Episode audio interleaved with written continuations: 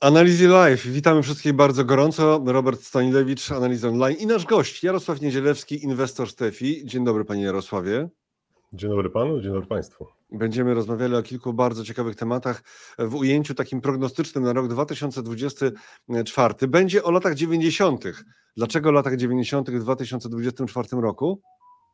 Ponieważ akurat w latach 90. Y, przyszło żyć, a w szczególności Ameryce wtedy, przyszło żyć na, przy wyższych stopach na dłużej i okazało się to nie całkiem złym rozwiązaniem dla rynków akcji czy dla rynków obligacji, generalnie dla świata inwestycji, więc wydaje mi się, że jeżeli hossa ma trwać e, dalej przy wyższych stopach właśnie na dłuższym okresie czasu, no to jest jeden z elementów, jeden z historii i analogii, mm. do mhm. których powinniśmy się udawać, patrząc e, jak to było kiedyś. I to jest taka bycza analogia, chociaż ktoś może powiedzieć, że te historyczne analogie mają sporo wad, ale za chwilę będzie o tym więcej. Będzie o e, amerykańskiej giełdzie, amerykańskich spółkach, takich przeciętnych, nie ciągle Magnificent 7 czy Magnificent 8. Będzie też o Polsce i o złocie troszeczkę. Troszkę złota też wpadnie e, tutaj w naszej rozmowie. I startujemy, proszę Państwa.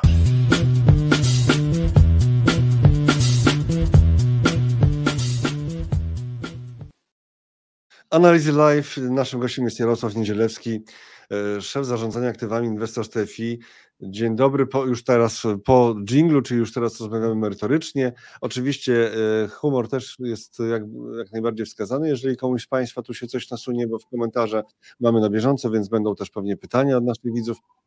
E, dzień dobry, Jacek Proszę Państwa, zanim, zanim, nie zamiast, zanim przejdziemy do tych złotych lat 90. i do tego, czy mogą się powtórzyć w ujęciu rynkowym złotych lat 90., to po prostu spójrzmy na to, co dzieje się na e, amerykańskich e, giełdach, na amerykańskiej giełdzie, ale chodzi o to, żebyśmy spojrzeli na to, co dzieje się w trochę innym ujęciu, czyli przeciętna spółka amerykańska, tysiąc największych, nie te siedem czy osiem tych, które e, wydarły do przodu, bo mają taką monopolistyczną pozycję, tylko cała reszta i w tamtej całej reszcie to raczej wielkiej hosty nie widzieliśmy tam. Russell 2000 się obudził ostatnio gdzieś tam przed końcem roku, prawda? Jak mhm. ten wygląda i co on nam może powiedzieć, panie Jarosławie? Dokładnie, patrząc z perspektywy, jak tutaj Państwo widzicie, przeciętnej amerykańskiej, większej w szczególności spółki, bo to do, dotyczy tysiąca największych amerykańskich spółek z indeksu Russell 1000, e, z równymi wagami, czyli właśnie ten indeks na, na kolorze, w kolorze czerwonym pokazany. E, ostatnie dwa lata przede wszystkim dwa, dwa ostatnie lata, w które my widzieliśmy jako teoretyczną bessę w Polsce, minus 40% na WIG, a później wielką hossę ubiegłego roku, e, tam plus 70% na tym samym indeksie. W Stanach Zjednoczonych Nasdaq tam 35% spadku, później e, bardzo duży 50-paroprocentowy wzrost i nowy rekord, tak samo jak i, u nas, więc z perspektywy tych dużych indeksów, z perspektywy polskiego indeksu i polskiego, e, polskiego rynku akcji, widzieliśmy to jako bessę i jako hossę, natomiast z perspektywy przeciętnej amerykańskiej spółki, którą tutaj e, pokazuję, to w gruncie rzeczy był trend boczny. Ani nie było wielkiej Bessy w 2022 roku, ani nie było wielkiej Hossy w roku e, ubiegłym. Była, był trend boczny z pewną zmiennością plus, plus 10%, minus 10%, natomiast, e, natomiast dla, e, nie da się tego określić jako prawdziwą Bessę i prawdziwą e, nową hossę, jak gdyby w nowym, w nowym wydaniu, z perspektywy właśnie takiej przeciętnej amerykańskiej e, spółki. E, I to jest skorelowane, to, to zachowanie, ten trend boczny w gruncie rzeczy jest skorelowany z fundamentami. To jest najważniejsza sprawa. Fundamenty to jest ta czerwona, ta czarna linia e, pokazująca oczekiwane zyski na kolejne 12 miesięcy właśnie z tej przeciętnej amerykańskiej, większej spółki spośród tysiąca największych amerykańskich. Ale ciągle nie mamy takiego wyraźnego wzrostu e, zysków tej amerykańskiej przeciętnej dokładnie, spółki. Dokładnie, ale one są na rekordowych poziomach. Tak? One się na tych rekordowych poziomach znalazły wtedy, kiedy indeksy już spada, spadały mocno, te główne mhm. indeksy. Mhm. W 2022 roku firmy amerykańskie, polskie, niemieckie, wszystkie tak naprawdę, na całym świecie nie, praktycznie, e, ustanowiły rekordowe poziomy swoich przychodów i swoich zysków. Ale pomimo tego indeksy, główne indeksy, jak widzieliśmy, spadały, ale przeciętna spółka niekoniecznie. Przeciętna spółka, powiedzmy, stała jakoś tam w, w miejscu z pewną zmiennością i ubiegły rok były te zyski, przychody firm praktycznie na tych samych poziomach, też wszędzie, i w Polsce, i w Niemczech, i, e, i w Stanach Zjednoczonych. Więc jak gdyby patrząc z takiej perspektywy nie tylko ubiegłego roku, nie tylko ostatnich dwóch tam miesięcy ubiegłego roku, tego szybkiego odbicia i, i dużego wzrostu na większości aktywów, to można powiedzieć, że oddaliliśmy się zanadto w 2020 roku, drugim roku od fundamentów, a w ubiegłym roku powróciliśmy do tych fundamentów, co naj, naj, naj, najlepiej to z perspektywy polskiej też właśnie e, widzimy, po prostu nie, my jako, jako polskie akcje, czyli polska giełda, w ogóle nie powinniśmy się, patrząc na, po samych fundamentach spółek, czyli po zyskach, jakie e, spółki z WIG-u wy, wygenerowały, w ogóle nie powinniśmy się udać w tą e, podróż, minus 40 plus później 70. Tak? Mhm. Koniec końców, po dwóch latach jesteśmy na nowych rekordach, czyli dużo się zmieniło, ale w gruncie rzeczy pozostaliśmy w tym samym miejscu. E, czyli trochę mhm. wyżej niż rekordy z 2021 roku z, z października. Więc... A teraz już o Polsce Pan mówi o tych, tak? E, prze, no. przez chwilę o Polsce, ponieważ tak. gdyby ten, ta, ten trend jest bardzo to podobny. Wrócimy do Polski, tak, tak, wrócimy do Polski, będzie oddzielny kawałek o Polsce, ale teraz ja jeszcze chciałbym tak edukacyjnie e, zapytać, dlaczego akurat ten przebieg indeksu Russell 1000 jest z równymi wagami, bo najprościej było pokazać sam indeks jakiś, tak, ale to, to jest inne trochę ujęcie i Dlaczego w ten sposób, co to nam e, pokazuje? Co to, co to nam daje w tej analizie? To nam daje to, że rzeczywiście mo można z tego wywnioskować, jak przeciętna amerykańska spółka się zachowuje, a nie, bo sam indeks Russell 1000 oczywiście jest on inaczej trochę skonstruowany niż S&P 500, gdzie rzeczywiście 30 ponad procent za, za, zabiera 7 tych największych spółek, Magnificent 7 wspaniała siódemka i to one w związku z powyższym wygenerowały większość wzrostu na indeksie S&P 500. Tutaj chciałem po prostu pokazać właśnie taki indeks, w którym żadna z tych spółek największych nie ma e, przewagi, jeżeli chodzi o mhm. udział, udział we wzroście, tak? Więc e, nawet jak średnio rzecz biorąc, wspaniała siódemka urosła w ubiegłym roku o 80%, E, tak, każda z nich mniej więcej uśredniając tyle, tyle zrobiła, czyli wielka hossa na tej siódemce, no to na całej reszcie spółek z S&P 500 493, no to to było marne, w cudzysłowie 10%, e, uśredniając te pozostałe e, firmy, więc tutaj jak gdyby pokazuje przeciętną tą spółkę bez, bez grania tymi dużymi udziałami w indeksie, o to, mhm. o to mhm. tylko chodziło. To zobaczmy, co jest e, e, dalej w tej analizie. I tutaj mamy. I tutaj mamy ba bardzo ciekawy aspekt, czyli to, w co chyba jeszcze jakiś czas temu nikt nie wierzył, że to się może stać, że, bo już było tak zakodowane, że Stany Zjednoczone i generalnie roz, gospodarki rozwinięte to już tylko usługi. Przemysł to zanika, tak? A tutaj coś się dzieje, a z drugiej strony mamy e, te, też pytanie o skutki zacieśniania monetarnego w Stanach, czyli te stopy procentowe, e, jak one, znaczy czy będą obniżki, czy jednak zadziałają skutki, odwleczone skutki podnoszenia wcześniejszego stóp procentowych. A więc jak to się mhm. zrównoważy, pańskim zdaniem? Mhm. Właśnie patrząc na ten poprzedni wykres, jak gdyby, no to w pewnym momencie te fundamenty tych, tej przeciętnej amerykańskiej spółki, czyli te zyski, które były na rekordach w 2022-2023 roku, być może one jeszcze przez jakiś czas pozostaną na tym poziomie i indeks akcji również pozostanie mniej więcej na tych, znaczy ta cena przeciętnej akcji na tym, w tym trendzie bocznym, ale w pewnym momencie to się musi zmienić. Musi w, gdzieś trend się e, odrodzić in plus, czyli wyjście z tego trendu bocznego górą, razem z fundamentami, czyli ze wzrostem przychodów i zysków, albo w drugą stronę, czyli, e, czyli wyjście dołem z tego trendu, trendu bocznego i wtedy to oznacza po prostu słabość gospodarki, recesję i bezsen na rynku akcji. I żeby odpowiedzieć na to pytanie, w którą stronę, czy spróbować odpowiedzieć na to pytanie, w którą stronę ten, e, ta przeciętna amerykańska spółka, a też samym główne indeksy w Stanach Zjednoczonych i na całym świecie, czy wyjdą górą, czy będą kontynuowały trend wzrostowy, czy też e, raczej nie, czyli będzie raczej wyjście dołem, no to jest odpowiedź właśnie, która jest kluczowa, kluczowa rozstrzygnięcie tej, e, tego sporu, tej walki, tego przeciągania liny między słabością przemysłu, który trwa już od półtora roku na całym świecie. W Polsce jest to widoczne, w Niemczech jest to bardzo e, widoczne, stąd się mówi o, o, o technicznej recesji mhm. w Niemczech właśnie ze względu na słabość ich przemysłu, ale ten, ten przemysł jest słaby wszędzie na całym świecie od półtora roku. Natomiast druga strona medalu, co jeszcze nie powoduje, że mamy recesję, chociaż teoretycznie patrząc na historię, e, przy takich niskich poziomach tych wskaźników, jak tutaj jest ISM dla przemysłu w Stanach Zjednoczonych pokazany, no to by zbliżaliśmy się do recesji, recesji, prawdziwej recesji bez na rynkach akcji, albo byliśmy e, blisko. Natomiast e, główne rozróżnienie pomiędzy normalnym stanem gospodarki, nawet z pewnym, spowolnieniem czy miękkim lądowaniem, jak to się teraz e, określa, a twardym lądowaniem, przyziemnieniem twardym czy, czy recesją, to jest ta czarna linia rosnąca albo nie rosnąca, czyli wzrost bezrobocia.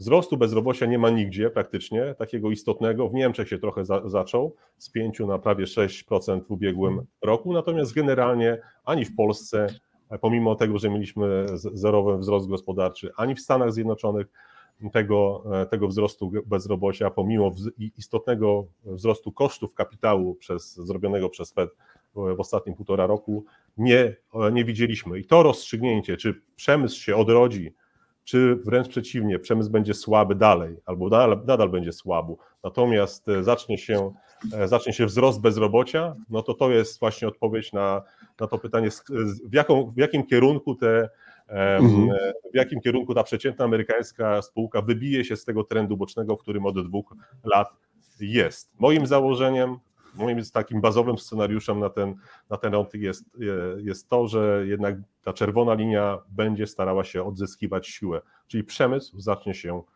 odradzać, dzięki czemu ta, czer, ta czarna linia, czyli wzrost bezrobocia, nie będzie musiał e, e, wystąpić, czyli firmy nie będą zmuszone do tego, żeby zacząć e, zmniejszać, zmniejszać swoje koszty, ponieważ będą widziały jak gdyby światełko w tunelu, odbi odbicie się w przemyśle, e, które za zawsze po pokazuje jak gdyby mhm. ekspansję gospodarczą, poprawę w, w sytuacji gospodarczej, nadzieję na to, że będzie, będą większe przychody i tym samym zyski będą, e, będą wysokie, nie będzie potrzeby, zarządy nie, firm nie będą miały potrzeby tego, żeby... Panie Jarosławie, ale panie Jarosławie, to pan odwołuje recesję generalnie, tak?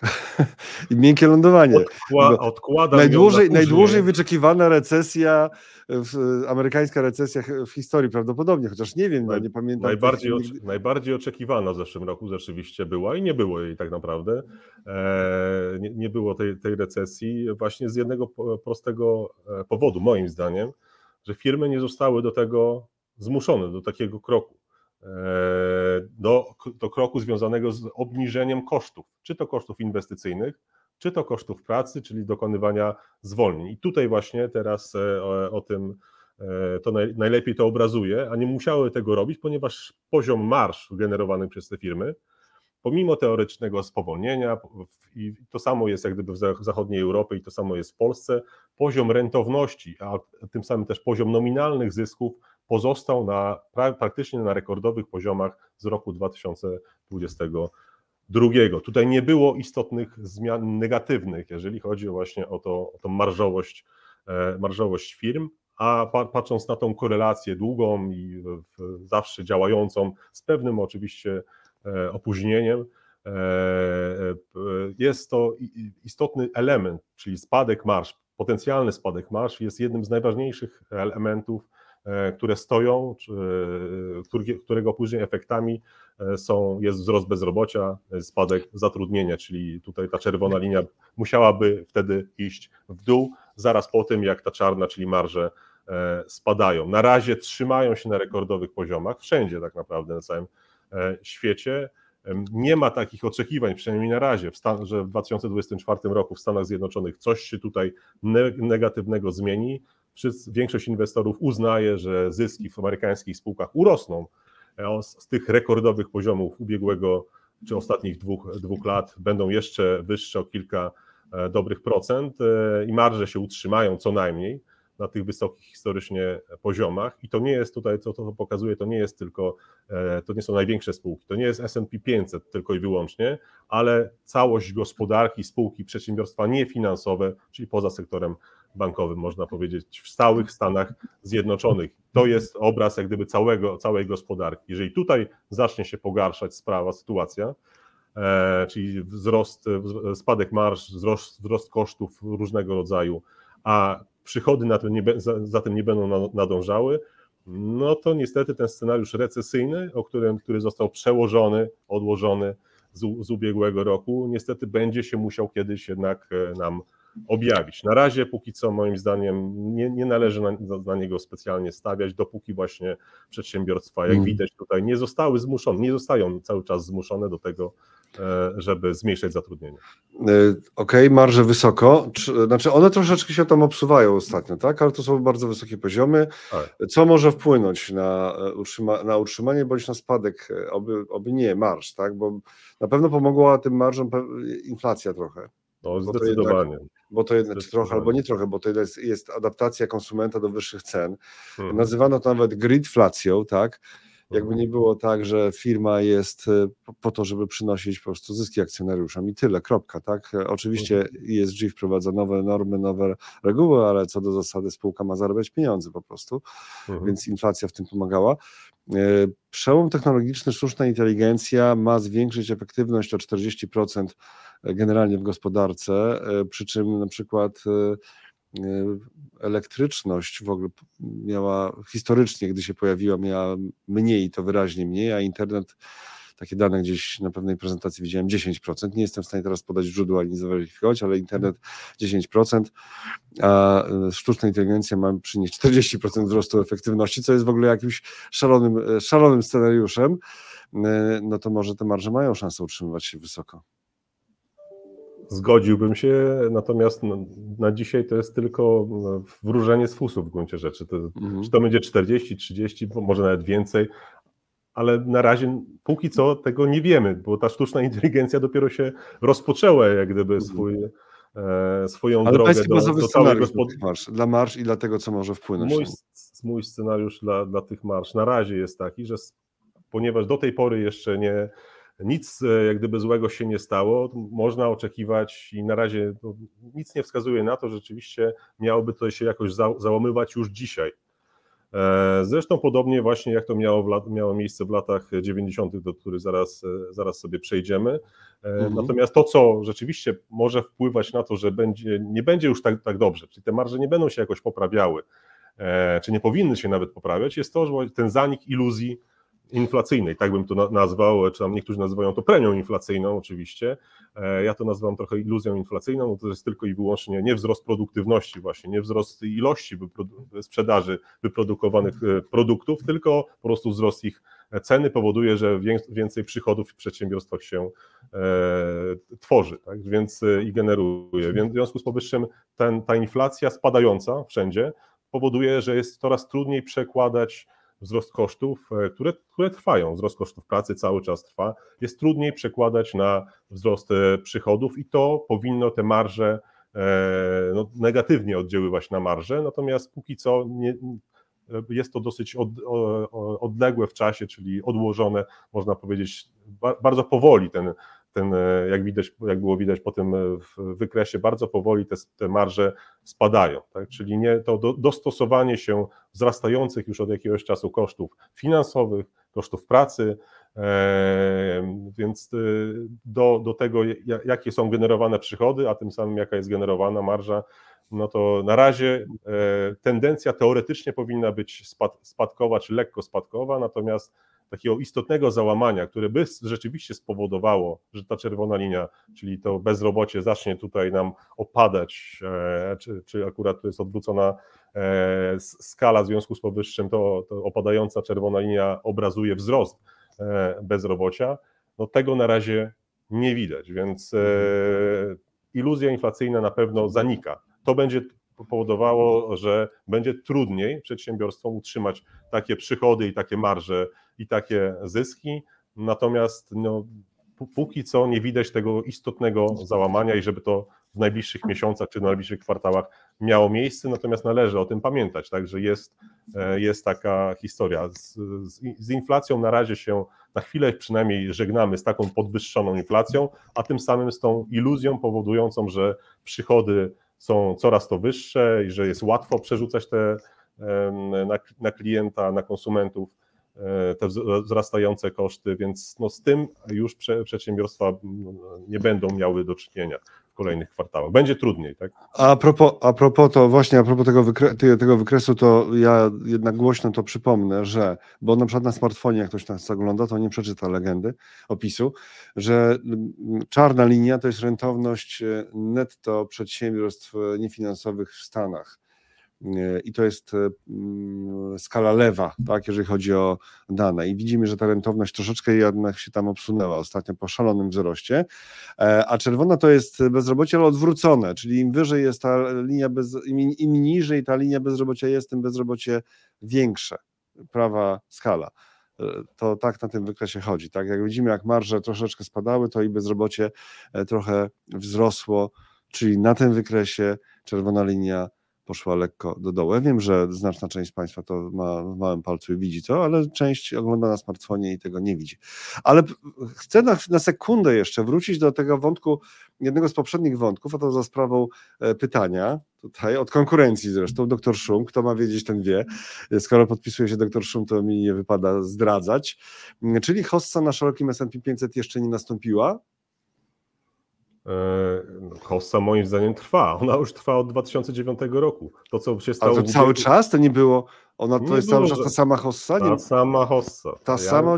W moim, w moim przeświadczeniu jesteśmy dokładnie w tej samej hossie, która się jeszcze nie, jeszcze nie zakończyła. Tak? COVID w ogóle nie zakończył żadnej hossy, e, moim zdaniem.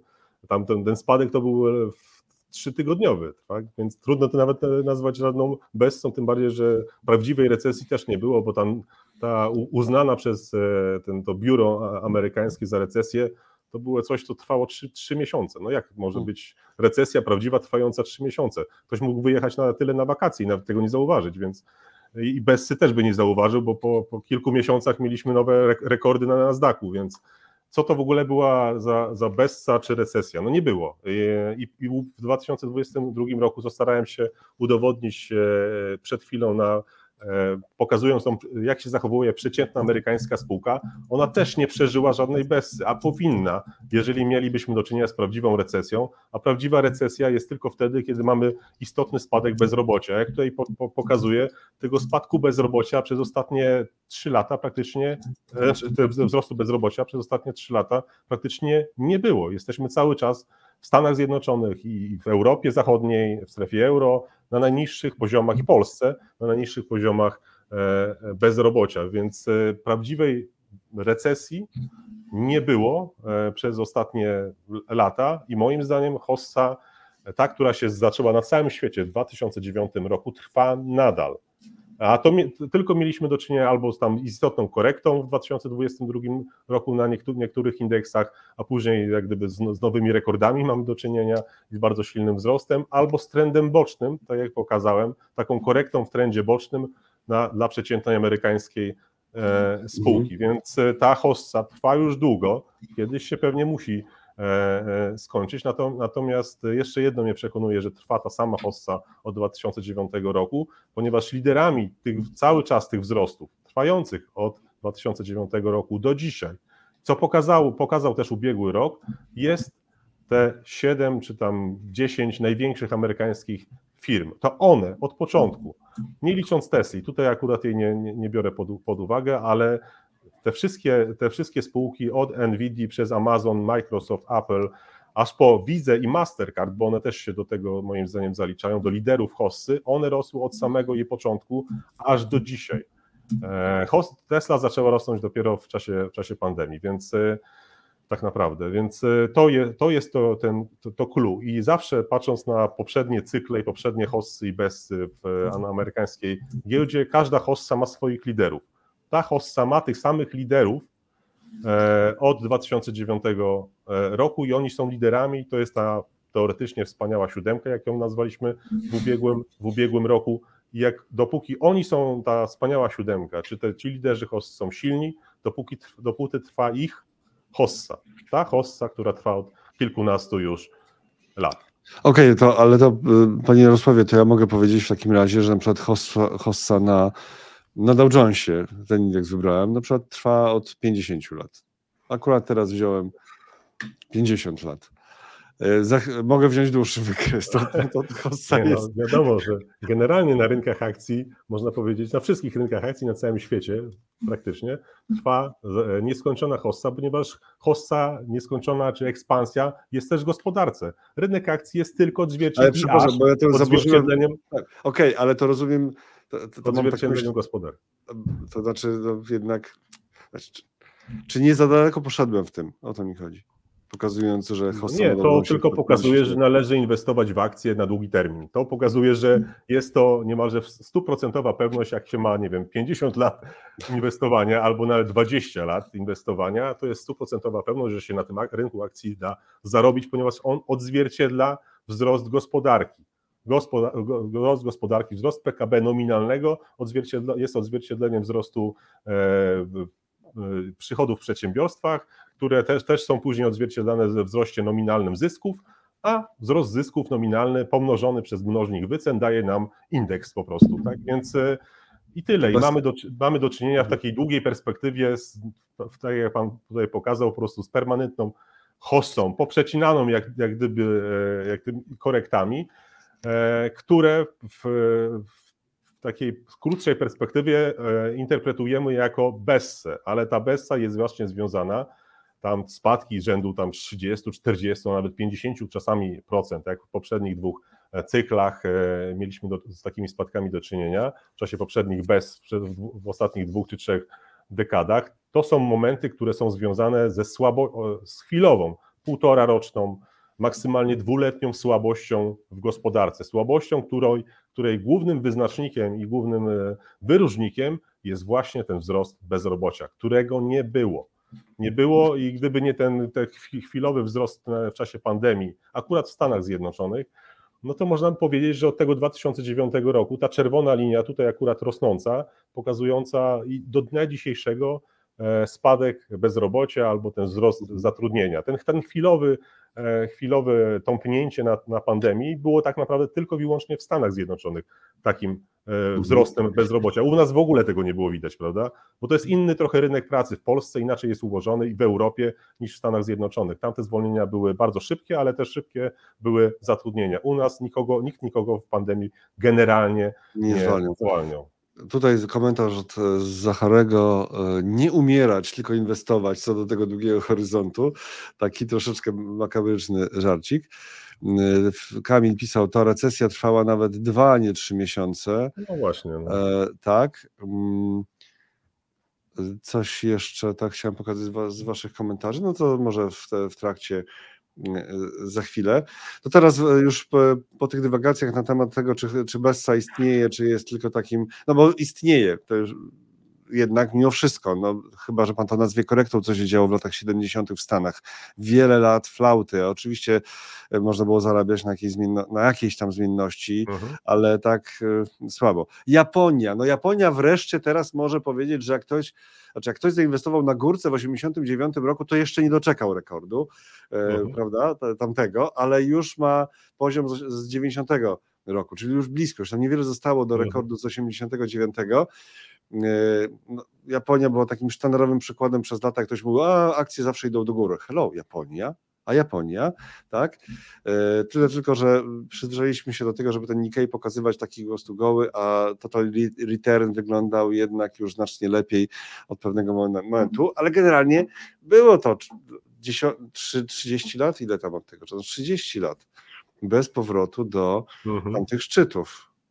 To prawda. Znaczy spadki trwały krócej, a później było długie, po, długie powracanie jak gdyby do tych szczytów, natomiast trzeba pamiętać, że akurat Japonia była trochę specyficznym rynkiem, który po prostu urósł ponad miarę, jakąkolwiek miarę. To była największa hossa chyba w, w dziejach e, Od tulipanów, od tulipanów. od tulipanów niemalże, e, właśnie pod koniec lat e, 90., e, przepraszam, pod koniec lat 80. 80 tak. do roku 90, kiedy rzeczywiście wydawało się wszystkim, że Japonia podbije cały świat, przemysłowo będzie, no, będzie naj, najwię, największym rynkiem i będzie produkowała wszystko i wszędzie. Tak jak do niedawna też mówiono trochę o Chinach, że całą produkcję z całego świata przejmą, przejmą czy Chiny, czy wtedy, wtedy właśnie Japonia. Powstawały filmy w Stanach Zjednoczonych opowiadające o na przykład o tym, jak tra, tracą pracownicy w zakładach produkujących samochody miejsca pracy, ponieważ Japończycy je przejmują. Japończycy te, wtedy te, te samochody swoje zaczęli tutaj eksportować, więc no, po, rynek nieruchomości w, w, Japonii był na horrendalnych poziomach. Tak? Tam e, za, za, za, kawałek gruntu tam się płaciło zdecydowanie więcej niż za połać wielkiej ziemi w Kalifornii, więc e, to były horrendalne, e, mhm. horrendalne czasy. No i wyceny, no i wyceny tam w okolicach e, PDS 100, tak? To, to Dokładnie, więc no, nie, nie, nie ma możliwości powrotu do takich wycen. Musiały, musiały ten, te zyski, jak gdyby, w tym mnożniku, jak gdyby powrócić na zdecydowanie wyższe poziomy i wtedy nominalny poziom zysku, nominalny poziom indeksów mógł się, tak jak teraz, zrównywać E, zrównywać z tymi z końcówką lat 80., więc, e, ale to tylko te, dzięki temu, że, że gospodarka się na tyle rozwinęła, żeby te zyski były coraz większe i przy normalnych by cenach dzisiaj, no to ten indeks mógł dotrzeć do takiego poziomu, jaki był 30 lat temu.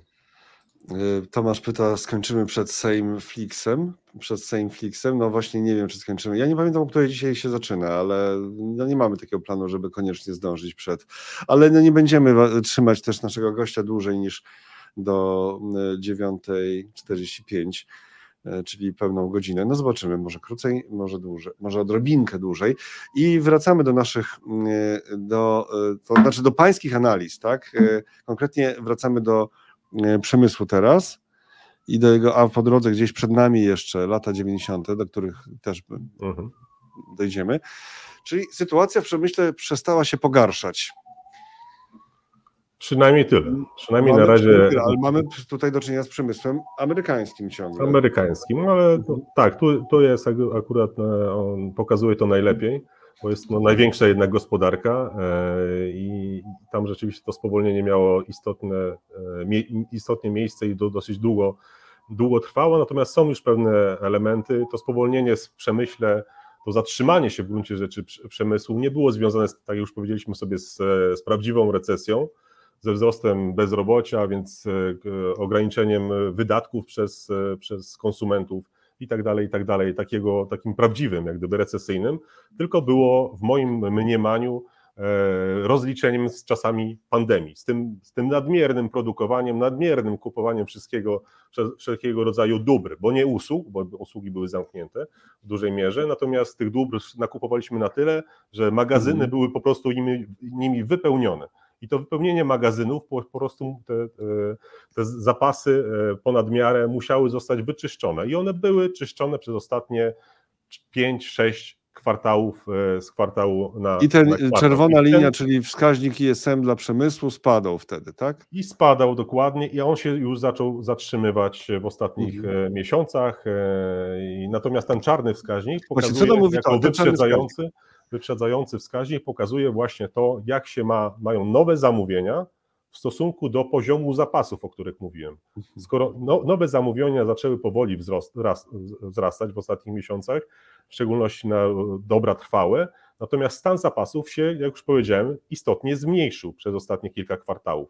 I to jedno podzielone przez drugie, rosnące zamówienia, bo trzeba odnawiać te stany magazynowe, ponownie, jak gdyby, ponieważ stany magazynów się wyczerpały, w związku z powyższym nowe zamówienia przedsiębiorstwa mogą, e, mogą produkować, więc e, e, to jest, to jest ten czarny wskaźnik, który zawsze tutaj dobrze pokazywał przyszłość, trochę z, wyprzed, z pewnym wyprzedzeniem, jeżeli chodzi o stan całego amerykańskiego przemysłu, czyli ten wskaźnik ISM. I on pokazuje tyle, że są, jest więcej nowych zamówień w stosunku do spadających stanu, spadającego stanu zapasów dzięki czemu można domniemywać, że ta czerwona linia powinna mhm. zacząć się odbudowywać.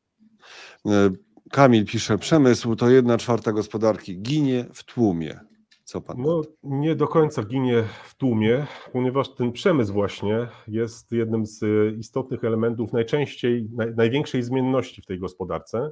E, I to on odpowiada w dużej mierze za te spółki przemysłowe, odpowiadają w dużej mierze nieusługowe za e, właśnie te zwolnienia, a zwolnienia są, To jest jednoznaczny wskaźnik pokazujący, że mamy w całej gospodarce problem i możliwość wystąpienia recesji, a tym samym bez na rynku akcji. Więc sam przemysł, chociaż jego wartość, wartościowo rzeczywiście tutaj nie, e, nie tworzy jak gdyby większości w gospodarce, ale zmiany, które tam się dokonują, in plus, in minus, e, czyli wzrosty tych wskaźników, wzrosty sprzedaży, wzrosty zamówień w przemyśle, one albo spadki w, drugą, w, drugą, w drugą stronę, one tworzą trendy tak naprawdę w gospodarce nie tylko amerykańskiej, ponieważ sektor usług zazwyczaj w każdej niemalże w sytuacji zazwyczaj on jest bardzo, zdecydowanie mniej zmienny.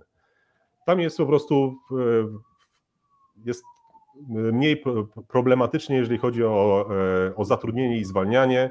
E, sektor usługowy to, taki jak, to jest taki sektor jak na przykład edukacja czy healthcare, czyli, czyli właśnie służba zdrowia albo kawiarnie na przykład no to tutaj musiały być jakieś specyficzne elementy, jakie w pandemii na przykład zaistniały, żeby tam nastąpiły pewne zwolnienia, żeby zamykały się kawiarnie i tego typu historie. Natomiast przedsiębiorstwa produkujące wiele różnych rzeczy, tam ten, to, to właśnie w takich to te przedsiębiorstwa odpowiadają w, w dużej mierze za te marże, które spadają albo które się odbijają, to tam się to dzieje wszystko i tam, tam się dzieje też gro z tego e, spadku albo wzrostu zatrudnienia. Sektor usługowy, czyli 70% gospodarki, nie tylko amerykańskiej, ale generalnie światowej, jest zdecydowanie bardziej powolny w różnych zmianach. E, on dopiero później dostrzega to, co się dzieje w przemyśle i ewentualnie mhm. lekko reaguje plus czy, czy minus. Więc na przemysł się należy patrzeć jako właśnie na ten element, który, który będzie definiował tak naprawdę, co się może dziać w całej gospodarce, a w szczególności w zatrudnieniu. No i dalej, Paweł, e, e, a to, to są nasi tacy widzowie biegli w kwestiach rynkowych, zresztą na, na naszym topczacie z reguły tacy są, chociaż też ja bardzo się ucieszę, jeżeli ktoś, kto tutaj wpadł i słucha o, o rynkach e, i inwestowaniu i chciałby zapytać o coś podstawowego naszego gościa, to śmiało, śmiało, drodzy Państwo, po to jest ten kanał, więc jeżeli na przykład na wykresie czegoś nie widzicie dokładnie, nie rozumiecie, to też dopytujcie, dopytujcie, ja będę te pytania przekazywał e, do końca czasu naszego live'a. E, Paweł pisze, przemysł to dla trzeciego świata. Usługi są cywilizacyjną częścią. E, no, takie myślenie się zbudowało przez wiele, wiele lat, ale też pamiętam dzisiaj jak kiedyś, kiedyś, kiedyś profesor Andrzej Sprawiński, swego czasu szef Instytutu Ekonomicznego NBP, no ludzie, którzy są związani z e, gospodarką czy ekonomią, e, to generalnie jako nauką, e, to na, pewno to nazwisko pamiętają, jak mówił w naszych programach, że to w przemyśle wynagrodzenia są większe i dlatego on jest ważny, tak, że usługi super, jest to ta, ta większa część gospodarek rozwiniętych, to tylko, że w usługach wynagrodzenia z reguły są niższe niż w przemyśle. Mhm. No to jak pan tutaj skomentuje to, co pisze Paweł? Czy moim zdaniem jednak e, historia to też pokazała, że nie należy tak lekceważyć do końca tej działki przemysłowej, która rzeczywiście spadała, tak jak i spadało rolnictwo, jak gdyby patrząc na, przez ostatnie dekady w zachodniej części świata, e, w tej bardziej rozwiniętej, jeżeli chodzi o część gospodarki. Rolnictwo to już tam procent, dwa procent, e, ale generalnie to są niewielkie części. E, przemysł też jak gdyby jest, jest mniejszą częścią i pewnie będzie też zmniejszał się, ponieważ usługi będą coraz więcej e, warte i coraz bardziej się będą roz, rozszerzały. E, natomiast one są, tak już powiedziałem, bardzo istotne, jeżeli chodzi o. Bez, bez przemysłu się nie da jak gdyby żyć, bez, mhm. bez tego, przez co rozmawiamy w tym momencie, czyli e, mimo wszystko, że chociaż jest to usługa, czyli usługa internetowego, internetowej komunikacji, to jednak musimy mieć ten komputer, musimy też na czymś siedzieć, to ten komputer jest na naszym no tak. na, na, jakimś stole, a to jest tak... przemysł, więc bez tego przemysłu ale... tak do końca się nie da, nie, nie no, ale ten przemysł, meta, ale... metaversu okay. wszyscy. Ale ten przemysł e, ulokował się w pewnej określonej grupie krajów. I teraz przechodzę do tego, jak na to wpływa e, no, deglobalizacja, a może zmiana taka e, tej, tej poszatkowanie globalizacji, taka globalizacja w blokach, czyli French shoring, nearshoring, jak to wpływa, czy to widać już w Stanach, czy, czy, czy tutaj są jakieś sygnały, że rzeczywiście to przenoszenie produkcji na własny grunt albo pobliski grunt, no Meksyk słynny, tak? Przenoszenie do tak Meksyku na przykład. Na ile to się dzieje, na ile to będzie wspierać e, sektor przemysłowy w Stanach? No i to jest właśnie to, to clue, które, do którego doszliśmy. Czy tak naprawdę zaczął to już Donald Trump, a później się okazało, czy z America First, a później i z tym, żeby przerzucić z powrotem przemysł do Stanów Zjednoczonych, a później za Joe Bidena to się jak gdyby jeszcze bardziej rozszerzyło. E, a w szczególności po, po pandemii, gdzie widać było problemy z tymi łańcuchami dostaw, e, z tym, że rzeczywiście jest e, do tej pory wszystko było produkowane w Chinach. Większość produktów sprzedawanych przez amerykański Walmart to są produkty, czy były produkty produkowane po prostu w Chinach i to ściąganie tych produktów było utrudnione. W związku z powyższym przemysł zaczyna wracać, zaczął już wracać od dwóch mniej więcej lat do im bliżej Stanów. I do samych Stanów, ale też do, do, do, do, takiego kraju, który jest najbliżej Ameryki. Jeszcze jest dosyć tani, nawet tańszy niż, niż Chiny, patrząc na pracowników. e, w, w, tych, w tych częściach przemysłowych gospodarki, czyli do Meksyku. Ten reshoring związany też z deglobalizacją bardzo przyspieszył po, tej, e, po tym doświadczeniu, nieszczęsnym doświadczeniu pandemicznym, E, i w związku z powyższym jest on istotnym elementem. I to, o, to właśnie też pokazuje, jak istotny jest, e, jest przemysł i to, żeby dane państwo ten przemysł swój miało mimo wszystko, a nie tylko gdzieś tam na, na zewnątrz mhm. go e, oddawało. Więc i to jest jeden z elementów, który mi który pokazuje, że ten scenariusz pozytywny na najbliższe kwartały, nie recesyjny, ale ten bardziej pozytywny e, scenariusz, wyjście górą tej przeciętnej amerykańskiej spółki z tego trendu bocznego, kontynuowanie w związku z tym tej hossy, które, tak jak już powiedziałem, trwa moim zdaniem od 2009 roku, a tych wzrostów też, czyli kontynuowanie też wzrostów z roku, ubiegłego ma szansę właśnie między, między innymi dlatego, że ta, ten wzrost e, budownictwa przemysłowego, wzrost inwestycji w amerykańskiej gospodarce ma miejsce jest związany właśnie z tym reshoringiem i nie tylko amerykański, ale właśnie w tej, w tej meksykańskiej, o której tu było powiedziane, bo tam jest to najbardziej widoczne, na przykład e, inwestycje w, w PKB e, meksykańskim rosną od już pewnego czasu o 25% rok do roku. Tam jest jeden wielki plac E, plac budowy. W Stanach Zjednoczonych też coś takiego miało miejsce, oczywiście nie na taką skalę, ale najwyższą, największą skalę od lat, od połowy lat 90., bo wtedy 30 lat temu po raz ostatni mieliśmy do czynienia właśnie z takim wzrostem produktywności, wzrostem, czy nadzieją na wzrost produktywności, która wtedy rzeczywiście nastąpiła, wzrostem, wzrostem inwestycji, zwiększeniem mocy produkcyjnych, nowe fabryki i tego typu historie. To wtedy miało miejsce, 30 lat musieliśmy na to czekać i to się za, zaczęło od dwóch lat, czy od kilkunastu miesięcy w szczególności, coraz bardziej e, widoczne, że coś takiego ma miejsce. Czyli taka deglobalizacyjna hossa przemysłowa to kilka komentarzy od Was. E, a zwolnienia nie były przypadkiem w usługowych big techach, pisze Kamil, ale z drugiej strony Wojciech pisze chyba w tym w samym temacie, moim zdaniem część IT powinna zaliczyć się do przemysłu amerykańskiego, bo nastąpiła transformacja, tworzenie oprogramowania to produkcja, a nie usługa, to zniekształca mm, obraz, taka opinia. Przemysł jest cykliczny bardziej niż usługi. To, pan, to było też w Pańskiej mhm. wypowiedzi, prawda, że tam, tam bardziej widać, co się dzieje z marżami, one są bardziej zmienne. Mm, pandemia i z niej wyjście rozchwiało bardziej usługi. No, rozchwiało może usługi, a. Usługi tak, no bo to jest. To, to pandemia no była tak. specyficzna. To było zamknięcie gospodarki, a w, szczegół właśnie, w szczególności usług. usług ale, przez, tak. ale nigdy, nigdy wcześniej czegoś takiego nie było. W żadnej, w żadnej recesji poprzedniej usługi tak się nie zachowywały jak w czasie tej pandemicznej, można powiedzieć, krótkiej recesji. Hmm. Wszyscy wieszczą, że pierwsze półrocze będzie dobre, a drugie to recesja i spadki, ze znakiem zapytania. Czy nie będzie odwrotnie? Fed może nie obniży stóp. E, rozumiem, że w tym pytaniu jest taka obawa, że jak Fed nie obniży stóp, to będzie recesja, tylko przypominam, że e, recesja i spadki.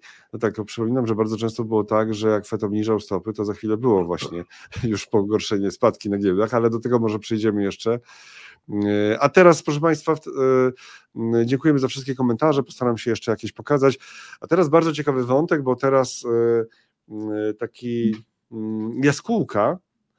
Właśnie, nie sprawdziłem, jak jest jaskółka po koreańsku, bo to będzie właśnie taka jaskółka po koreańsku.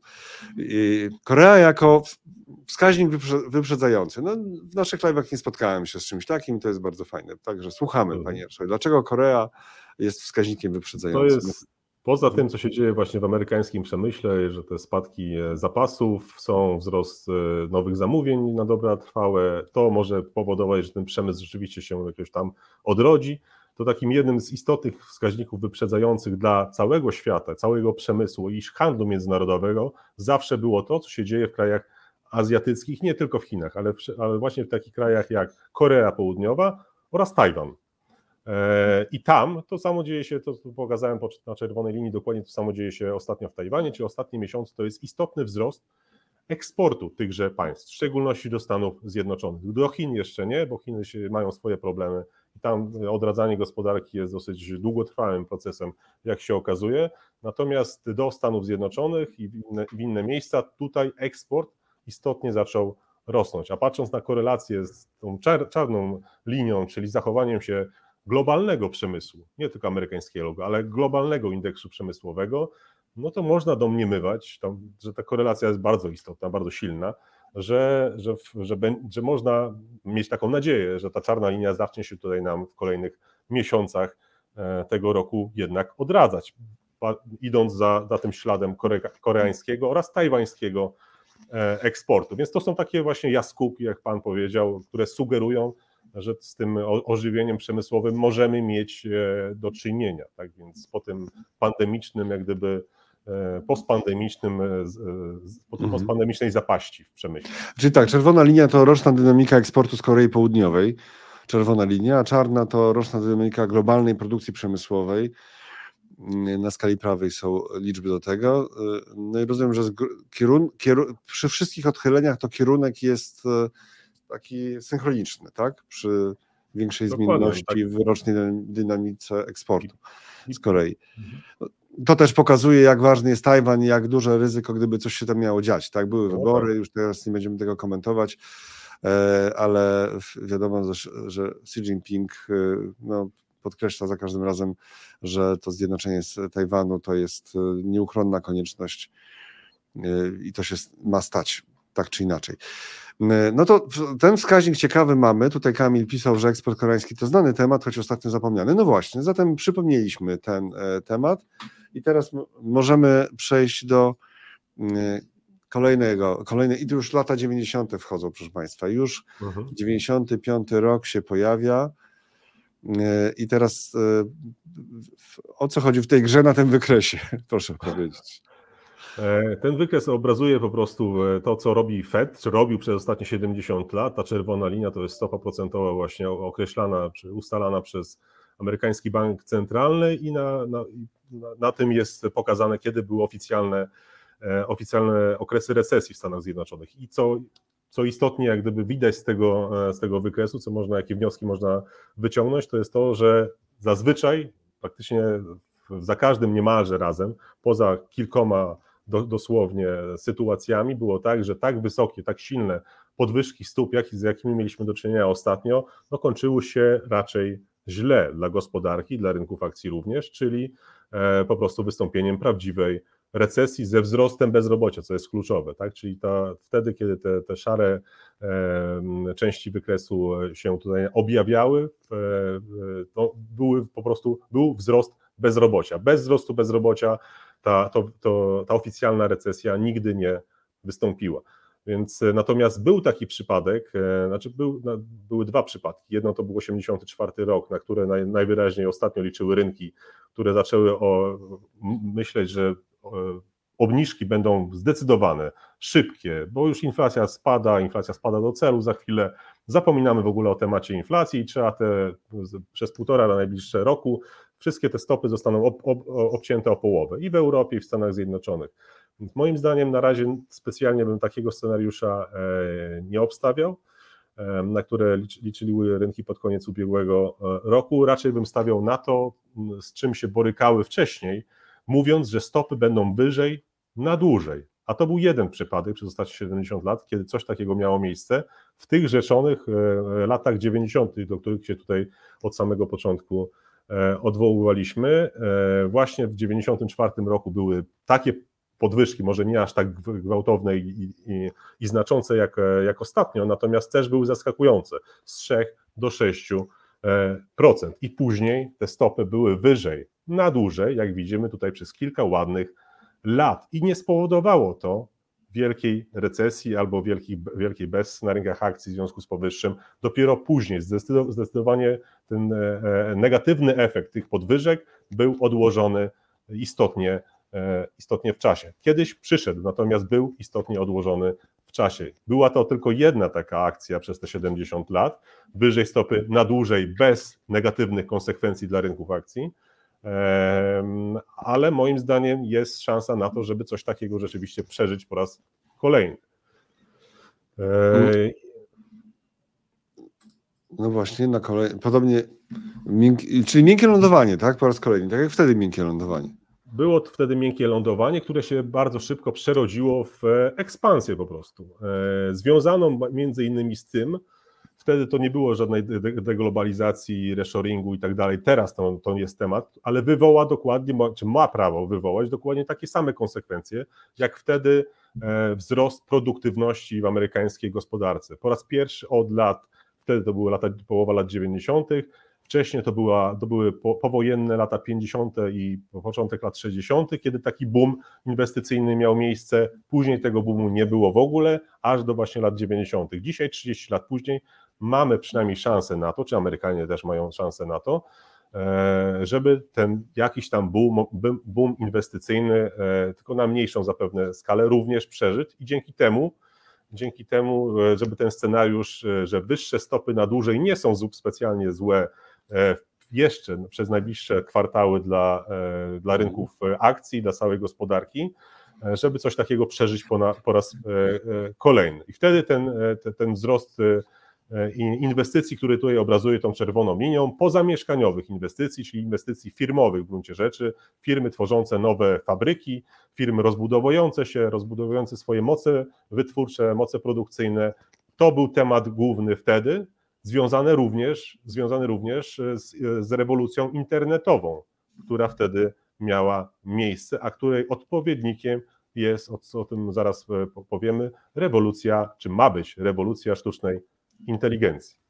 Zakładając, że, znaczy pamiętając, że jednak według tych szacunków, jakie się pojawiały tu i ówdzie, to wpływ ma być większy nawet niż rewolucji internetowej na Może być. A ta rewolucja internetowa była trochę wydmuszką, jak się potem okazało, po, no, przynajmniej w, jeśli chodzi o wyceny spółek, akcje spół, notowania spółek, które mhm. były tam jakoś zaangażowane. E, e, to jeszcze zostajemy w tych latach 90., i, czyli Stany jako plac budowy Dokładnie. Stany są, zostały placem budowy w ostatnich dwóch latach, co pokazuje jeden i po, lewej stronie ten wzrost wartości nakładów w budownictwie prze, przemysłowym, bardzo szybki, bardzo szybki wzrost. Pierwsze strony gazet o tym zaczęły też, e, też pisać. Dzięki też wsparciu administracji, ustawom, które były wprowadzone dwa, dwa lata e, temu i ten, e, ten projekt jak gdyby odbudowy i ściągnięcia znowu przemysłu do, do Stanów Zjednoczonych, właśnie związany z tą deglobalizacją, reshoringiem, nishoringiem, jakby to, na, jak inaczej to nazwać, e, to, e, to, to się zac- ten proces się zaczął i moim zdaniem ma prawo być kontynuowany. On nie musi się i nawet nie powinien się kończyć od, od tak, dzisiaj już za chwilę. Ma prawo i ma, jest wsparcie ze strony też, też administracji amerykańskiej, żeby coś takiego miało e, miejsce i żeby właśnie było trwalszym, trwalszą tendencją, więc e, a na, po, po prawej stronie pokazujemy tą e, mapkę e, w, Ameryce, gdzie w, praktycznie w, całych, w całej Ameryce tworzą się przez ostatni rok różne, różne fabryki, mhm. czy to związane z, z półprzewodnikami, czy to z bateriami do samochodów elektrycznych, ale generalnie też z szeroko pojętym przemysłem. Więc coś takiego, co, co, czego nie było przez ostatnie 30 lat niemalże, się dzieje plus inwestycje infrastrukturalne, które również są tematem, e, pojawi, pojawiły się jako pierwszy istotny temat, główny temat w ostatnich dwóch latach w Stanach Zjednoczonych i tam, tam również zapewne te inwestycje powinny być kontynuowane, mhm. bo, bo jest, jest ku temu potrzeba, tak? czyli nowe mosty, budowa no, nowych mostów, rozbiórka starych mostów, stare mosty albo autostrady, które były budowane w latach 50., 60., później nieremontowane albo e, e, nic nowego nie było budowane. I w pewnym momencie to się musi jak gdyby zacząć dziać. Moim zdaniem to jest całkiem dobry moment, żeby to, to już się zaczęło, ale żeby było jeszcze kontynuowane e, tak, jak to miało miejsce właśnie po raz ostatni w połowie lat 90., co wspierałoby właśnie ten scenariusz, że stopy będą trochę wyższe na dłużej, ale to nie będzie specjalnie złe, ponieważ gospodarka będzie na tyle silna, e, żeby, żeby wspierać e, i zyski, i przychody generowane przez firmy, e, w związku z powyższym też host, kontynuację hossy na, na amerykańskiej giełdzie. Ale kosztem tego będzie oczywiście utrzymanie przez Fed stóp na wyższych poziomach niż to się ostatnio inwestorom wydawało jeszcze tam pod koniec ubiegłego roku, że one bardzo szybko spadną do, do istotnie niższych poziomów niż dzisiaj. To jeszcze momencik o tej mapce dwa słowa, czyli mamy tutaj e, czarne kropki to półprzewodniki, e, takie granatowe, niebieskie to mm, mm baterie do samochodów. Generalnie baterie do samochodów, tak, e-mobility e, i E, czerwone to po prostu inwestycje przemysł, szeroko, przemysłowe, szeroko, szeroko, przemysł, tak to, tak to wygląda. No, mówi Pan o tym dłuższe, wyższe stopy na dłużej, ale oczekiwania na ten rok co do e, obniżek stóp procentowych, jeszcze przed chwilą były jakieś gigantyczne, nawet 7 obniżek stóp procentowych, to już należy wyrzucić do kosza takie oczekiwania? No, to wszystko po tym, jak Jerome Powell wyszedł, jaki gołębi się zrobił, a potem inni członkowie Fedu tak zaczęli retorykę halo, halo, to może nie tak szybko, mhm. tak?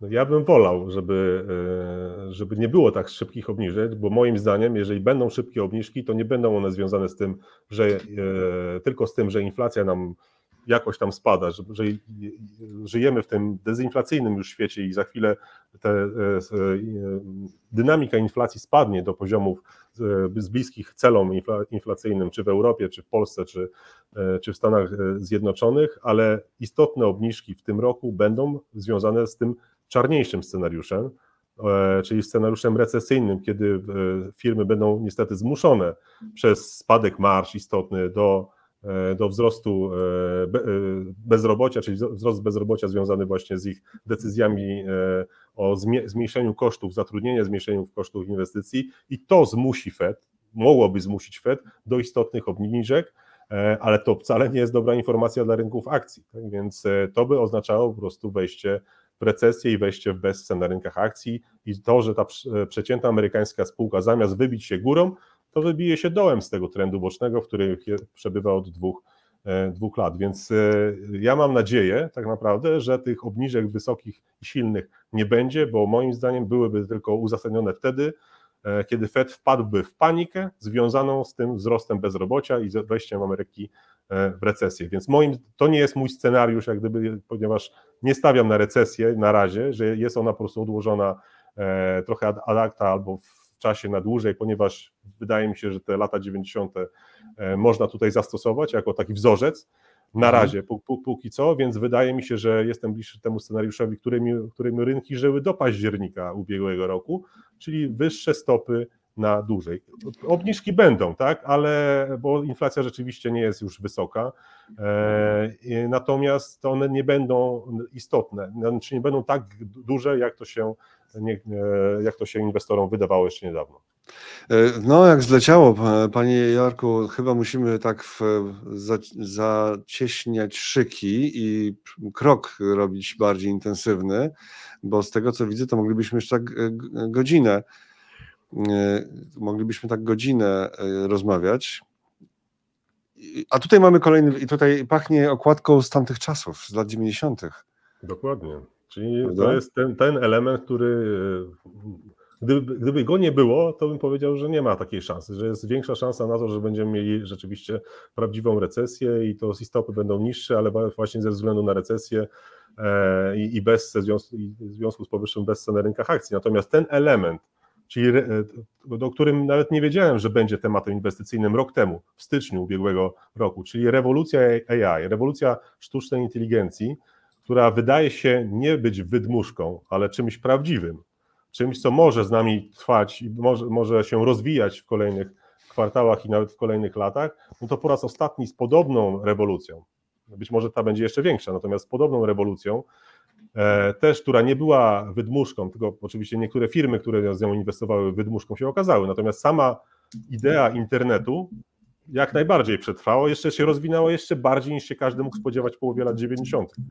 Więc e, jako rewolucja internetowa i odpowiednik ten dzisiejszy, rewolucja sztucznej inteligencji, to mnie przekonuje, że jest na czym, e, że ten wzorzec połowy lat 90 ma ręce i nogi, że ma szansę na to, żeby rzeczywiście o nim mówić, że może się e, i można się na niego powoływać, że coś takiego może mieć miejsce też w kolejnych kwartałach i w kolejnych latach, ponieważ wtedy rzeczywiście e, Hossa była związana e, z tym internetem również, aż do momentu przegięcia, czyli tego, że ma, miała miejsce po prostu spekulacja na rynku dotkomów, ale tak naprawdę trwało to od połowy lat 90. To nie był już tylko 99, 2000 rok, ta e, ostatnia fala wzrostów, ta spekulacyjna najbardziej fala, fala wzrostów, ale cały internet to, była, to były lata, całe 5-6 lat e, wchodzenia inwestycyjnego, wchodzenia do gospodarki, na rynek, na rynek akcji, co było przedstawiane, jest przedstawiane tutaj tym rosnącym Nasdaqiem,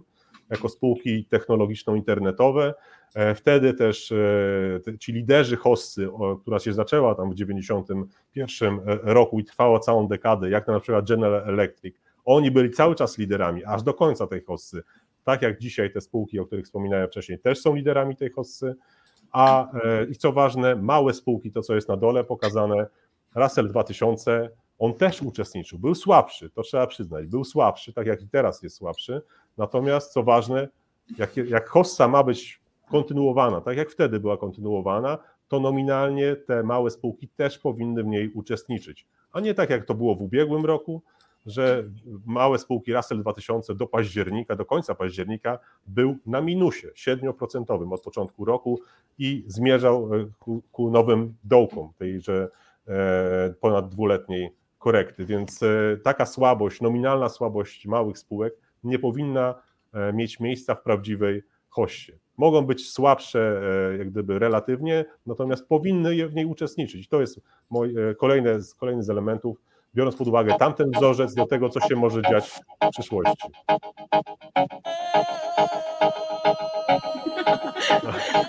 Mirosie, wracamy do lat, do lat 90., tak? Z tego, co pan mówi, tak to rozumiem, że wracamy do lat 90.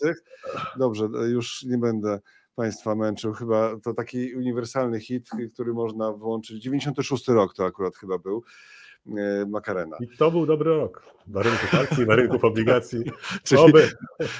Makareny sobie życzymy, choć po takim 2023 roku to raczej nie spodziewamy się chyba, że na przykład na warszawskiej giełdzie będzie plus 39 czy 40% no nie, tego się nie spodziewamy. E, tak. No i e, wracamy do analizy po tym no, momencie takim muzycznym dla, dla takiego no, orzeźwienia dla takiego, słucham? Wspomnieniowym trochę też. Wspomnieniowym, tak, tak, a to ja z powiem już tutaj, tak, z, no z mojej też perspektywy. Kto wie, co to za, był za dźwięk? Kto wie, co to był za dźwięk, drodzy, to napiszcie, bo to pewnie nie każdy z naszych e, widzów wie, co to za dźwięk. E, no dobrze, to my lecimy dalej, czyli jeśli hossa ma trwać, nie może ograniczać się do siedmiu nawet najwspanialszych spółek, twierdzi Jarosław Niedzielewski. I panie Jarosławie, musimy teraz przyspieszyć rzeczywiście. No to w gruncie rzeczy o tym powiedziałem, czyli rewolucja AI jest moim zdaniem odzwierciedleniem tego, co się działo w połowie lat 90. E, z tą rewolucją internetową, ma ręce i nogi, rozumiem, że nie jest wydmuszką, będzie z nami, a jeżeli ma być, to tak samo jak z hossą e, internetową wtedy, ona nie powinna się ograniczać do siedmiu spółek. To nie, teraz to one są beneficjentami, tak, na razie, ale jeżeli ta rewolucja rzeczywiście ma wejść e, do całej gospodarki i zwiększyć tą produktywność, o której tutaj wspominaliśmy, o 40 nawet e, procent, no to to musi być wszędzie tak naprawdę. Ona w, w większości spółek, tak, więc duża, coraz więcej spółek będzie mogło korzystać z tej rewolucji, zarabiać na niej, będą wzrastały ich przychody czy zyski, e, czy marże w coraz większej ilości spółek, jeżeli ma do tego e, rzeczywiście dojść, do tej rewolucji prawdziwej, a nie tylko na razie przynajmniej, patrząc z mojej perspektywy e, w, tego, do, do czego ta, e, ten chat GPT, jak gdyby było z nim się mhm. ta, ta, ta, rewolucja kojarzy, jest wykorzystywany, no to przez uczniów e, w szkołach do pisania wy, wypracowań. Natomiast to nie, nie, nie na tym, jak rozumiem, powinna prawdziwa rewolucja zwiększająca produktywność polegać. Póki co jeszcze no nie, nie wymyśliliśmy jak gdyby wielu nowych zastosowań, I mhm. na, to, na to cały czas czekamy, żeby to, ta rewolucja zeszła głębiej do gospodarki, więcej spółek e, nią wykorzystało, żeby tą produktywność rzeczywiście było poprawiającą się widać. Póki co no jest dosyć e, w, w takim wąskim zakresie wykorzystywana, na przykład do e, pomocy uczniom w szkole, tak? Ale nie wiem, czy o to, o to nam chodziło tak do końca z, no tak. z tą rewolucją. Nie bardzo chyba o to nam chodziło. no dobrze, lecimy dalej i mamy teraz to jest kolejny element. Czyli zbliżamy kolejny... się już do polskiego wątku. Zbliżamy się, proszę Państwa, tak. do polskiego wątku, bo na to na pewno wiele osób czeka.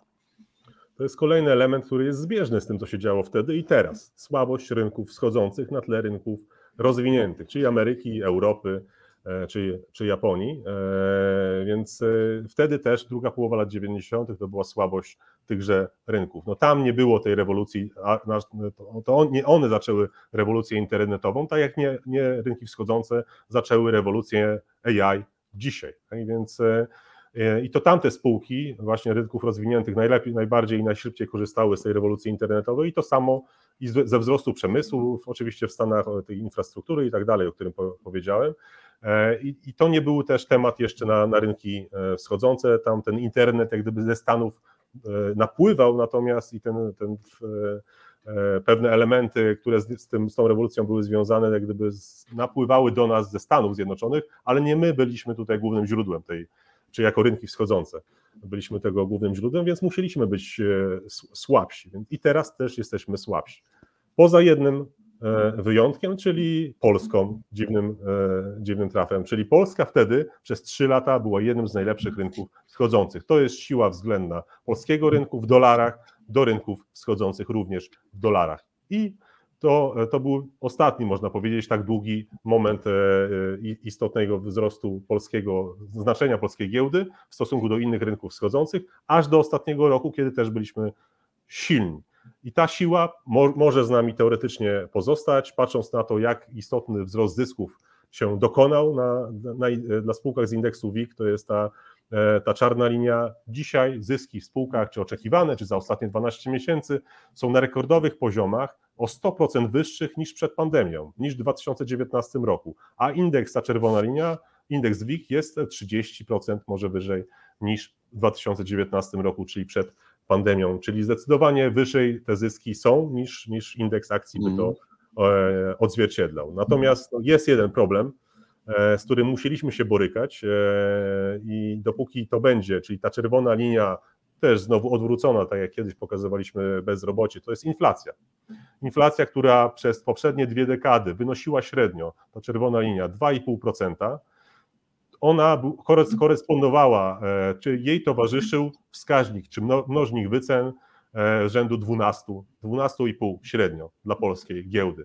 Dzisiaj to jest 8,5 albo 9 dla indeksu WIG jako mnożnik cena do zysku, ale też mamy dwa albo trzy razy większą inflację, czyli 6% ponad e, inflacja, przed chwilą to było 10 albo nawet więcej więc to, ta korelacja między jednym i drugim, to samo było w latach 70. w Stanach Zjednoczonych, to samo się dzieje w Turcji w ostatnich latach. Inflacja ma przełożenie na poziom mnożników wycen. Dopóki ona nie spadnie do tych poziomów, e, które miały wcześniej miejsce, czyli te 2,5% na stałe, dopóty nie będziemy mogli, moim zdaniem, patrząc na tą korelację i na, to, na tą historię, e, odzyskać tego pola na mnożnikach wycen i przejść z tych 9 dzisiaj do 12,5. E, więc e, no, to jest niestety ten koszt e, inflacyjnej iluzji, którą, z której żyliśmy i z którą związanych jest oczywiście, przez którą te, te, te 100% wzrosty zysków na polskiej giełdzie miały miejsce, jeżeli chodzi o, o spółki z indeksu WIG. Od, od pandemii, jak gdyby, czyli od, od 2019 roku do dzisiaj, tak już powiedzieliśmy sobie, te zyski są 100% wyższe, ale w dużej mierze są one, były związane ze wzrostem inflacji i nie mogą być tak samo traktowane, tak samo dobrze, mhm. tak samo jakościowo traktowane, jak takie normalne zyski w normalnych momentach. Okej, okay, ale nie są, ale nie są, to nie jest tak, że ta iluzja jednak działa, że inwestorzy widzą, spółka poprawia nominalnie wyniki. Okej, okay, mhm. dobrze, czy to infla... czy, czy ktoś bada mhm. czy ktoś bada naturę tej poprawy i oddziela właśnie to, o ile przez inflację, może poza mną, tak? Poza, Poza poza, mną Może pa, i e, paru poza mną, zarządzającymi. i par, kilkoma innymi osobami, to pewnie niewiele osób. Bo na wie pan, o co mi chodzi, uwagę, bo- natomiast bo cały nie jest- rynek, bo to nie jest cały dowcip, rynek. nie jest dowcip, żeby mieć rację, bo tak, pan ma analizuje, pan ma rację. Pytanie tylko, czy całe masy będą myślały w ten sam sposób, bo bardzo często się zdarzało tak, że ja spotkałem bardzo wielu ludzi bardzo mądrych, którzy mieli rację i analizowali poprawnie. Tyle tylko, że masy inwestorów nie sięgały tak głęboko, tak, i po prostu swoje pieniądze, swoimi pieniędzmi napędzały indeksy czy akcje spółek. Mhm. Oczywiście tak się zdarza, w, szczególności w takich momentach przełomowych, kiedy gdyby ryn- rynek jest albo zbyt na, na zbyt, zbyt na dołkach, jak gdyby, czyli wszyscy już wierzą, wieszczą ko- kompletne załamanie, albo na, na, na szczytach. Natomiast generalnie patrząc na, e, na rynek jako całość, tak bym to określił, jako mądrość całego rynku, to, to się sprawdzi, sprawdzało. Sprawdzało się na przykład w Turcji. Turcja jest najtańszym rynkiem na świecie, z rzędu, PDS rzędu 6 czy 7. Wcześniej to było 10 albo 11, ale wcześniej mieli inflację rzędu tam 10% albo 15%, a dzisiaj mają 60%, ale przed chwilą mieli 100% inflację. W latach 70. Ten, e, to, że rynki akcji stanęły w miejscu w gruncie rzeczy nominalnie, to był jeden z elementów, ale tam rosły przychody i rosły inflacyjnie zyski w spółkach. No to, w związku z powyższym indeks akcji stanął w miejscu, natomiast mnożnik wycen spadł gigantycznie do poziomów bardzo niskich, których później już e, do, do dnia dzisiejszego nie ma aż tak niskich poziomów jak, jak w latach 70. Ale to było właśnie mądrość rynku, e, która, e, który stwierdził, że nie traktuje tak samo serio, serio tych e, Mhm. jako, jakości tych wyników, które są zrobione przez inflację, a nie przez wzrost produktywności, przez sprzedaż większą wolumenową i tak dalej, i tak dalej. E, Więc na dzień dzisiejszy wydaje mi się, że nie ma co specjalnie liczyć, że powrócimy do tych mnożników przy tak wysokiej inflacji, ale mimo wszystko i tak jesteśmy e, re, relatywnie tani, a inflacja będzie chociaż powoli nam jednak e, spadała. No Gęste, element- słupek, gęste, gęste słupki na mobilach to w ogóle tak o czym oczopląc, ale myśl jaka z tego wynika to, to jest taka, że ta część recesyjna na, naszych rozliczeń z pandemią się skończyła, ta taka teoretycznej tej recesji, technicznej, jak niektórzy ją nazywają, no bo zerową stopę zwrotów PKB polskiego, czy prawie zerową e, w roku ubiegłym, e, ujemną w Niemczech w ubiegłym roku, trudno inaczej nazwać, ale niż techniczną recesją, czy jakąkolwiek, albo czy jakimś dużym spowolnieniem, no ale nie, nie, nie była to prawdziwa recesja, bo w prawdziwej recesji nie ma czegoś takiego, że, że DAX robi nowe rekordy i WIG robi e, nowe, nowe rekordy, a coś takiego właśnie miało miejsce. To było tylko rozliczenie z pandemią, co tutaj widać po tej czarnej linii, e, czy tych czarnych liniach, e, czy częściach e, wykresu, to jest właśnie te spadające zapasy. I one były gigantycznym elementem, największym elementem, które obniżały to nasze PKB do zera, to właśnie te spadające po, po nadmiernej ekspansji pandemicznej zapasy. Ale to się wszystko zaczyna, od, ma prawo odbudowywać i większość, większość analityków, makroekonomistów twierdzi, e, że między innymi dzięki e, boomowi konsumpcyjnemu polska gospodarka z tego zera z ubiegłym roku w tym roku będzie na trzech, e, niemalże na 3% wzrostu PKB, więc to też ten wzrost wzrost PKB e, i nominalny, i realny, i lep, wyższa konsumpcja powinna też wspierać przychody i zyski w spółkach e, polskich. e, No i, i to, że, że, że, że znowu będziemy mogli kontynuować ten, ten trend wzrostowy z roku ubiegłego.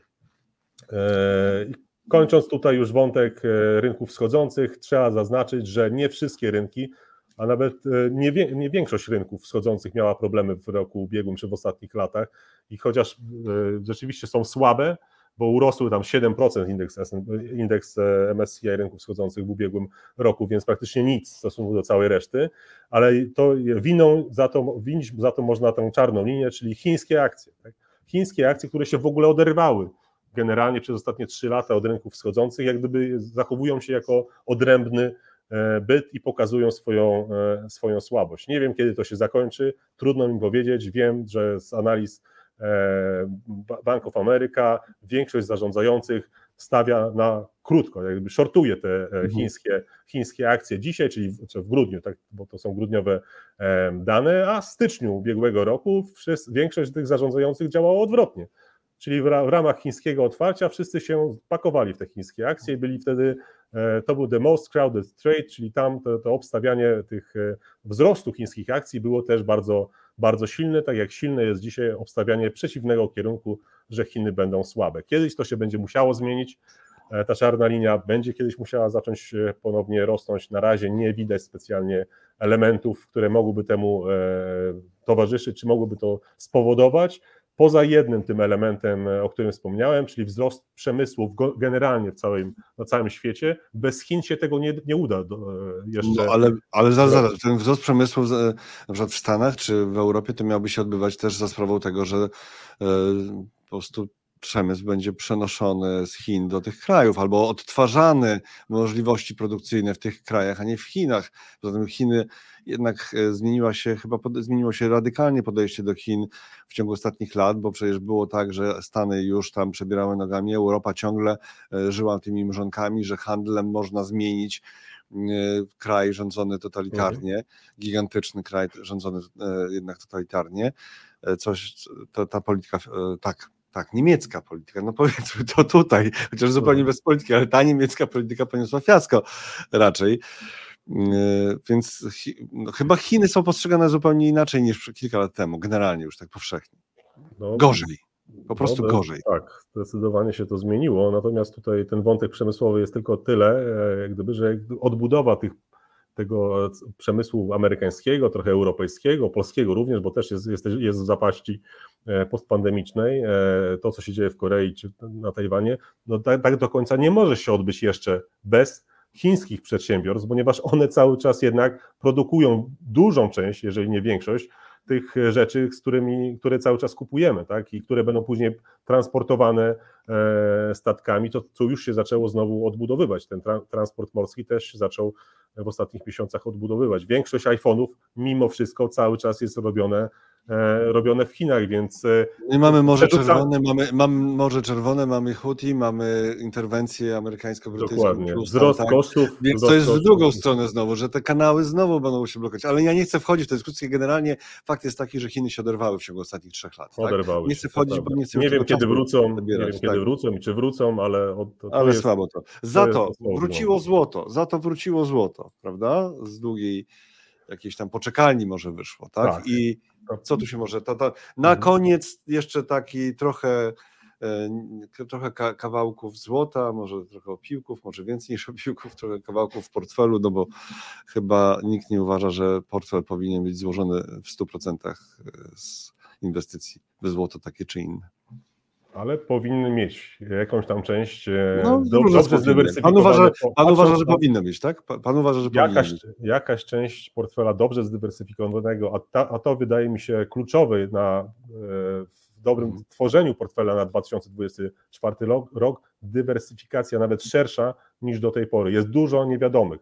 Czy to właśnie związane z, z tym, co się dzieje w Jemenie, czy tam na, na Morzu Czerwonym, czy to, to, tym, co się dzieje, działo przed chwilą w wyborach na Tajwanie i jakie mogą tego konsekwencje. Wybory w Stanach Zjednoczonych, bardzo istotny e, temat. Jest wiele elementów, czy ta recesja będzie, czy jej nie będzie, czy ten przemysł się odbuduje. To, o czym wspominaliśmy przez tą ponad, ponad godziny, jest na tyle dużo istotnych elementów, e, że moim zdaniem dywersyfikacja portfela jest kluczem do 2024 roku i to portfela zrównoważonego, czyli takiego, który ma połowę w obligacjach, obligacjach, które już dają całkiem niezłą stopę zwrotu, czy nadzieję na całkiem dużą stopę zwrotu i na rynkach akcji, szerokich rynkach akcji, złoto też tu powinno mieć swoje miejsce, ponieważ pokazało siłę.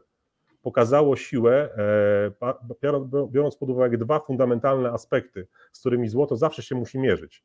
Czyli po lewej stronie dolar, po, po, po prawej stronie realne stopy procentowe, realne dziesięcioletnie stopy procentowe, które bardzo mocno urosły z minusa, minus 1% do 2,5%, a złoto mimo wszystko utrzymało się. Ono generalnie, patrząc na korelację długoterminową między tymi realnymi rentownościami a notowaniami złota, powinno być słabsze, ale nie jest. Coś mhm. jest e, w tym złocie, że nie, pozwoli, nie pozwoliło, jakaś wewnętrzna siła nie pozwoliła mu spaść, pomimo słabości fundamentów przez poprzednie półtora roku. Ale te fundamenty już powinny teraz zacząć się e, poprawiać, które się wcześniej osłabiały. Już się to zaczęło, tak? Czyli dolar przestaje, przestał się umacniać, zaczął się trochę osłabiać, a realne stopy zaczęły spadać. I złoto dzięki temu mogło wybić się na razie przez chwilę na nowy rekord, ale moim zdaniem, patrząc na tą całą konstrukcję tutaj trwającą od 2020 roku, czyli już ponad czyli już 3 lata, ponad 3 lata w gruncie rzeczy, trwającą ten trend boczny, jak, jak gdyby z, z kilkoma podbiciami, próbą wybicia się przez, przez ten, te, te rekordy z sierpnia 2020 roku. Wydaje mi się, że jesteśmy coraz bliżej tego, że ten, te, to złoto wybije się na dobre.